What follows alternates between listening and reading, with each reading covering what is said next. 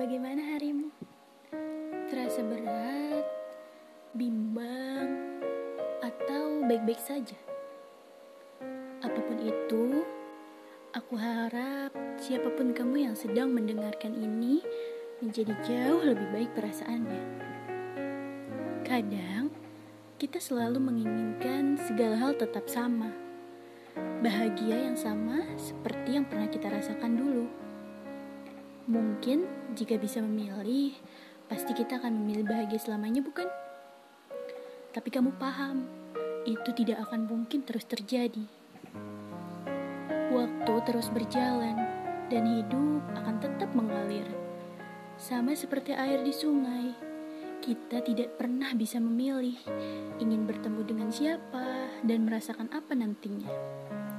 Mungkin bertemu kerikil tajam, jalan berliku, atau bergabung dengan ikan-ikan yang menari riang. Begitulah hidup, sebuah kemungkinan tanpa batas yang menemukan makna dalam setiap perjalanannya. Tidak apa tentunya jika nanti kamu merasa lelah. Pun tidak ada yang salah jika kamu ingin menyerah. Dari sana, kamu akan mengerti bahwa kamu benar-benar tumbuh.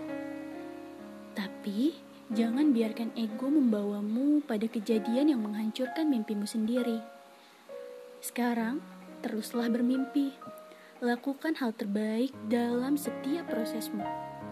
Syukuri, nikmati, perbaiki, dan yakini apa yang membuatmu tumbuh.